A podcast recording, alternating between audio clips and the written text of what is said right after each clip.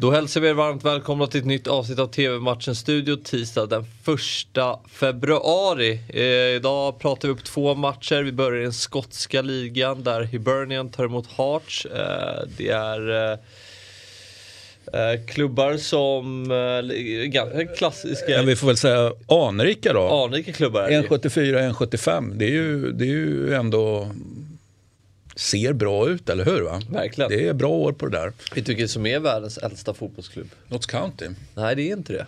Jag fick den frågan i fredags. Sheffield. Ja. Jaha, Sheffield eller? Jag trodde också det var Notts County. Ja, det ser man. Jag har någonstans liksom läst in den, men tydligen ja, läst fel. Kanske jag fick fel info mm. Det var Axel här ute som... Ja, ja men han har ju koll på grejerna.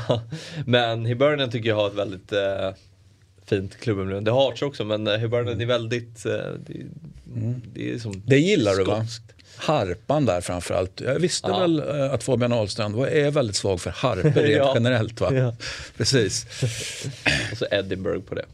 Uh, ja, nej, det har 23 i ligan, Hibernian femma. Uh, 12 poäng skiljer lagen åt. Toppmöte då? Toppmöte, alltså, får man ju säga. Om man tar bort ettan och tvåan ja. så är det ju ett toppmöte. Va? Ja, det handlar väl allt mm. för de här lagen att vara best of the rest. Mm. Ja, det är ju. Så är det. Mm. Eh, uh, 2045 startar matchen i uh, serien på Viasat Premium. Uh, nu till det sydamerikanska VM-kvalet som går in i sitt slutskede här. Uh, matchen startar 00.30. Det är alltså natten till onsdag då, så matchen spelas ju på onsdag. Men, vi, vi, vi men det är, men på är ju en tisdagsmatch. Man ska ju sova emellan sen ja, va? Exakt, så uh, enligt tv-matchens ramverk så är det tisdag. Så är det. Um, för att vara ty tydliga. Mm. Mm. Uh, Argentina är ju klara för VM. Uh, Colombia förlorade senast mot Peru med 1-0 och de har inte gjort, de gör ju inga mål aj, Colombia. Aj, vi varnar ju för att, ja. att, det är, att det är underprestation på Colombia rent generellt i det här kvalet. Och så hade vi den där diskussionen om återväxten mm. i de, de, olika klubbarna där borta i, Haltade i Sydamerika. Där, var... Nej, vi var inte helt överens tror jag. Va? Nej. Eh, men, men jag tycker vi fick vatten på vår kvarn då. Att, nu var ju Peru inget dåligt motstånd på något sätt utan snarare tvärtom, ett bra motstånd. Va? Men, men ja, jag står ändå här och förväntar mig mer av Colombia och just nu förväntar jag mig inte att de ska kunna, ja, Argentina är ju obesegrade. Eh, och precis som Brasilien, det är inte så att man slår av på någon takt där. För man, man, man vill vara tupp i, i sydamerikansk hönsgård. Det är inte svårare än så. Va? Så att, det eh, finns alla anledning för dem att gå, att gå för fullt. Skulle man rotera på några positioner, ja då är det ändå spelare som måste visa framfötterna för att kunna utmana om en ordinarie plats. Så det spelar ingen roll hur man ställer upp här egentligen. Mm. Och Colombia har fem raka matcher eh, utan seger.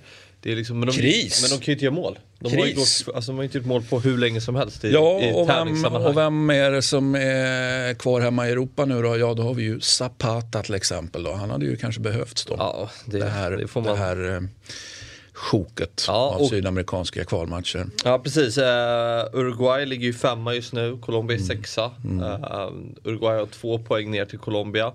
Och uh, det är tre matcher som återstår så mm jag vet inte, man behöver nog vinna här. Sen har man eh, Sen har man Bolivia och eh, Venezuela kvar. Eh, mm. Och då kan man ju alltid säga så här att ja, men det är ju motståndare man ska vinna. Framförallt om man ska man vinna mot dem om, om det är så att man, man ska ha mm. någonting med det här att göra då. Men eh, med det sagt, det är ju, alltså, det är livs... Alltså, man kan ju säga vad man vill om Venezuela. Brukar ju alltid liksom parkera sist i, det där, i den där kvalgruppen. Men jag menar, och inte ett fantastiskt fotbollslag men, men det är ju inget värdelöst fotbollslag Nej, på något sätt. Va? Så att, tre luriga matcher tycker jag ändå för Colombia som är kvar här. Är det skräll om Colombia inte tar sig till uh, VM eller ska man säga fiasko?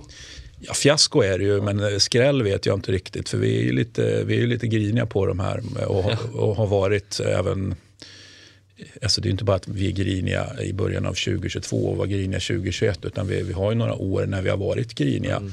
Även om det finns jättesköna fotbollsspelare där. Moriel tänker jag på framförallt. Zapata har vi redan pratat om då.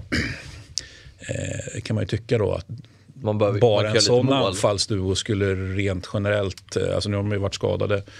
Eh, nu finns det skador här va, men, men även tidigare landslags eh, eller VM-kvalsamlingar så att säga. Så, så, så nog tänker man att med en sån anfallsuppsättning så ska man kunna hitta målet. Mm. Men det gör man med andra ord inte. Nej det gör man ju inte och vi får se om det lossnar mot Argentina som besegrade Chile senast med 2-1 där Martinez och Angel Di Maria skrevs in i målprotokollet. Eh, Lautaro Martinez alltså. Eh, men eh, vad tror vi då? Uh, ja, vi tror på Argentina. Ja. Och vi hoppas på Argentina. Hoppas. Ja, ja, fast det gör ingenting om Colombia går bra här. Nej, Nej men det, det, jag, jag ser det som en ganska klar, eh, alltså, förhållandevis enkel argentinsk seger. Mm. 00.30 alltså, matchen ser ni på Viasat Premium. Eh, det var allt för idag, TV-matchens studio är tillbaka imorgon igen. Vi ses då, hej!